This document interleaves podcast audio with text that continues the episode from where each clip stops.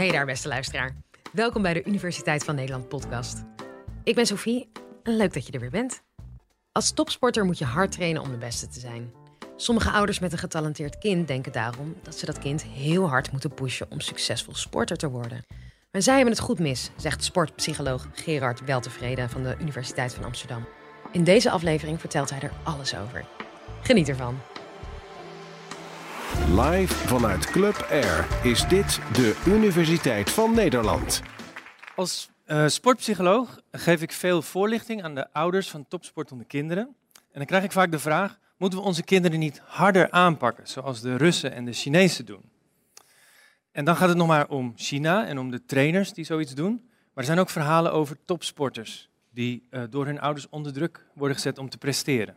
Een voorbeeld is Richard Krajcek. En die heeft erover gezegd, als kind had ik liever een vader gehad dan een trainer slash coach slash drillsergeant. Nou, ik denk dat de meeste van jullie en de meeste mensen het wel met me eens zijn dat je kinderen dus niet zo hard moet aanpakken, maar hoe hard dan wel?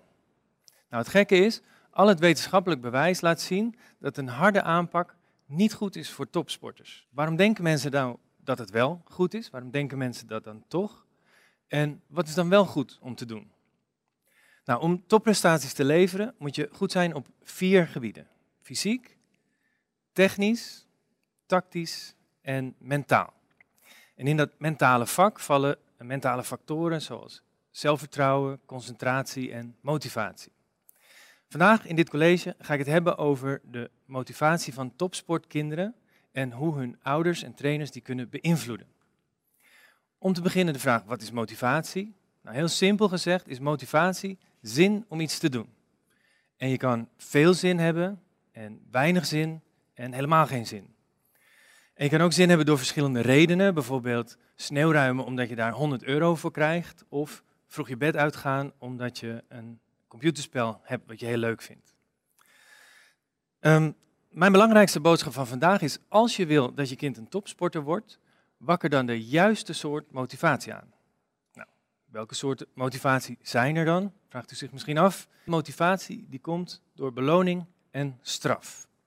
Dan kun je denken aan voetballen, omdat je daar 32 miljoen euro per jaar voor krijgt. Dat is het inkomen van Cristiano Ronaldo. En je kan ook denken aan je best doen op de training, omdat anders de trainer boos op je wordt. Kritiek valt ook onder dat kopje. Um, en mensen denken vaak, ja, als je aan topsport doet, dan moet je tegen kritiek kunnen. Uh, maar het is de toon die de muziek maakt. En soms wordt kritiek echt gebruikt om mensen een beetje pijn te doen, zodat ze de volgende keer harder rennen, langer doorgaan, beter nadenken, beter kijken. En uh, die krijgen dan dingen te horen als je bent gewoon een slappeling, of je hebt gewoon een waardeloze mentaliteit, of je moet beter uit je doppen kijken. Nou, zulke kritiek werkt soms op de korte termijn, maar het zorgt er zeker voor dat kinderen op de lange termijn onzeker en bang worden en ook het plezier in sport verliezen. De tweede soort motivatie is motivatie die komt vanuit uh, trots en schuld en schaamte. Dus je kan je voorstellen dat een sporter uh, wereldkampioen wil worden, omdat hij daarna met trots terug kan kijken op zijn sportcarrière. En uh, je kan ook denken aan een praatje zoals dit. En als je dat aan het voorbereiden bent, dat je denkt, als het niet goed genoeg is, dan vinden mensen het slecht en dan schaam ik me achteraf. Dat je daardoor gemotiveerd wordt. Derde soort motivatie is die om een hoger doel te bereiken. Dan uh, doe je het niet per se omdat je het leuk vindt, maar het staat in het kader van een hoger doel. Bijvoorbeeld als een volleyballer krachttraining doet, omdat hij dan hoger kan springen. Misschien vindt hij krachttraining niet leuk, maar uh, volleybal vindt hij wel leuk en daar hoort het dan bij. En de laatste soort, extrinsieke motivatie, is uh, motivatie die past bij hoe je bent, bij je identiteit. Dus bijvoorbeeld als je vegetariër bent of als je altijd een hele goede uitgebreide warming-up doet. Dat heeft niet direct een doel, maar je vindt dat gewoon goed om te doen. Intrinsieke motivatie, dat betekent dat je iets doet omdat je het leuk vindt om te doen. Omdat je er plezier in hebt. Een bekend voorbeeld zijn van die spelletjes die je hebt op je telefoon. En mensen hebben soms het gevoel dat ze daar verslaafd aan zijn. En dan wil je elke keer nog een potje en elke keer je prestatie of je score verbeteren. Nou, er zit natuurlijk niet echt een verslavende stof in die spelletjes. Ze zijn gewoon zo gemaakt dat je daar heel gemotiveerd van wordt. En dat kan dus. Nou, topsporters die hebben dat gevoel bij hun sport. Dus die willen elke keer nog een potje, nog een keer proberen om hun score te verbeteren. En die kunnen niet wachten tot ze weer uh, het veld op mogen, of het zwembad in, of de baan op. En je kan je voorstellen dat dat aan de ene kant een hele krachtige soort van motivatie is, en tegelijk ook een hele fijne soort van motivatie. Dus dat is wat je wil. Um, je wil dat die WIP doorslaat naar de positieve kant, naar de kant van intrinsieke motivatie. Uh, er is nog één onderdeel in het midden, en dat is de autonomiedrempel. En die autonomiedrempel die geeft aan dat de motivatie aan de linkerkant, dus vanuit beloning en straf, trots, schuld en schaamte, dat voelt alsof je het voor een ander doet. Alsof de motivatie van buiten afkomt. En de motivatie aan de rechterkant, hoger doel, zo ben ik, ik vind het leuk om te doen, dat is motivatie die voelt alsof het van binnenuit komt. Dus alsof je het voor jezelf doet. Nou, de kunst is natuurlijk om die wip de hele tijd te laten doorslaan naar die positieve, intrinsieke kant. En de vraag is, hoe doe je dat? En ook, wat kan er misgaan? Er zijn drie bronnen van intrinsieke motivatie. Dat zijn zelfvertrouwen, autonomie en verbondenheid. Ik ga over alle drie wat zeggen. Zelfvertrouwen betekent geloof in eigen kunnen. Geloven dat je iets kan. En de beste manier om je zelfvertrouwen te versterken is door succes te ervaren. Nou, jullie begrijpen allemaal wat ik bedoel met succes ervaren, maar als je erover nadenkt, dan komt dat neer op het halen van een doelstelling. Dus of je succes hebt, hangt helemaal af van welke doelen je kiest. In sport denken mensen vaak dat het enige doel is om te winnen, want daar gaat het altijd om. Maar um, winnen is heel vaak geen handig doel, want het is al gauw of te moeilijk of te makkelijk.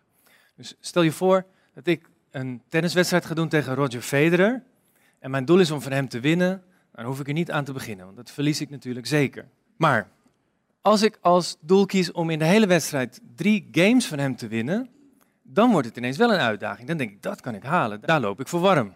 Hoe gaat het mis met succes ervaren? Nou, onder andere als ouders te hoge verwachtingen hebben. Moet je je voorstellen als je een topsportend kind hebt, dat je 15.000 euro per jaar uitgeeft alleen maar aan het sporten van dat kind. En dat je dan ook nog 20.000 kilometer per jaar in de auto zit en dan ook nog bijna al je vrije tijd langs het zwembad bent. Nou, dan wordt het heel moeilijk om te denken, een 7 is ook goed genoeg. Dan wil je topprestaties terugzien voor die investering. Kinderen voelen dat aan. Kinderen hebben heel goed door wat de verwachtingen zijn van hun ouders. Daar hebben ze een soort voelsprieten voor. En die gaan die verwachting dus vertalen naar doelstellingen. Die denken, als mijn ouders dat van me verwachten, dan ga ik dat proberen te halen. Maar als ouders onbewust die lat te hoog leggen, dan zijn die doelstellingen niet haalbaar. Dus dan voelt het steeds als falen voor een kind. Dan denkt hij, ik heb nooit succes, ik kan dit niet, ik stop ermee. Zo kan het gaan. Dus voor ouders is het belangrijk om te onthouden dat ze ook zonder iets te zeggen hun verwachtingen over kunnen brengen op hun kind. En dat ze eigenlijk door moeten hebben wat ze dan precies verwachten. Zelfvertrouwen kan je ook uh, vergroten door feedback. En de kunst is om dat op de goede manier te doen. En goede feedback betekent specifiek en constructief. En specifiek wil zeggen dat je niet zegt, je bent gewoon heel goed in hockey, maar dat je bijvoorbeeld zegt, je hebt een heel hard schot en daardoor kon die verdediger hem niet houden en daardoor heb je gescoord. Nou is het niet per se nodig dat feedback altijd positief is. En een mooi voorbeeld daarvan is coach Wooden. Dat is een legendarische basketbalcoach die heel veel heeft gewonnen, maar ook heel geliefd was bij zijn spelers. En je zou denken dat die dan misschien allemaal complimentjes gaf. Hartstikke goed geschoten, goede wedstrijd, mooi gelopen, goed gedekt. Maar dat was niet zo. Ze hebben een analyse gemaakt van zijn communicatiestijl en toen bleek dat 75% van wat hij zei ging over wat mensen beter konden doen. En daar zat zijn vakmanschap. Hij kon dat heel goed zien en in hele kleine, heldere aanwijzingen teruggeven aan spelers. En als dat overkomt als hulp, dan zijn mensen daar alleen maar heel blij mee. Hoe gaat het mis? Veel trainers en ouders denken, topsporter word je door alle dingen aan te wijzen die nog niet goed gaan. En ik moet zeggen, ik loop ook wel eens in die valkuil. Als ik uh, werk van mijn studenten moet nakijken, dan ben ik soms niet in een goed humeur of dan uh, heb ik te weinig tijd. En dan zeg ik inderdaad allemaal, dit is niet goed, dat is niet goed, dat is niet goed. Maar ik leg niet genoeg uit wat er dan beter moet. En als ik dat ga nabespreken, zit ik tegenover iemand met een strak gezicht. En dan voel ik gewoon, die heeft helemaal geen zin om hiermee aan de slag te gaan. Terwijl als ik uh, erop let en een goede combinatie maak van complimenten voor wat goed was en aanwijzingen over hoe het nog beter kan, dan zit ik ineens tegenover blije studenten die niet kunnen wachten tot ze weer verder mogen werken. Goed, dat over uh, hoe je je zelfvertrouwen kan vergroten. Tweede bron van motivatie is autonomie. Autonomie is het gevoel dat je ergens zelf voor gekozen hebt. En als je dat gevoel hebt, dan voel je je ook intrinsiek gemotiveerd daarvoor. Hoe gaat het mis? Nou, het ergst gaat het mis als kinderen gedwongen worden om te sporten. En een sterk voorbeeld daarvan is het verhaal van Andre Agassi, de tennisser. Uh, die werd na schooltijd door zijn vader tegenover een opgevoerd ballenkanon gezet en dan moest hij 2.500 ballen terugslaan. Nou, dan gaat het heel erg fout. Maar um, het gaat op een veel subtielere manier fout langs de lijn van heel veel sportvelden in Nederland. En het is wanneer ouders aanwijzingen roepen naar hun kinderen. En ik denk dat heel veel ouders dat niet doorhebben, dat ze dan, zich, uh, dat ze dan aan de autonomie komen van hun kind. Wie heeft er wel eens in de auto gezeten met iemand die de hele tijd aanwijzingen gaf? Zoals, uh, ja, je kan inhalen. Nou, er wordt gelachen. Het uh, stoplicht staat op rood, stop hoor. Oh, ze remmen. En, parkeer daar maar. Wie heeft het wel eens gehad? Mag ik zijn handen zien? En hoe was dat? Irritant, hè?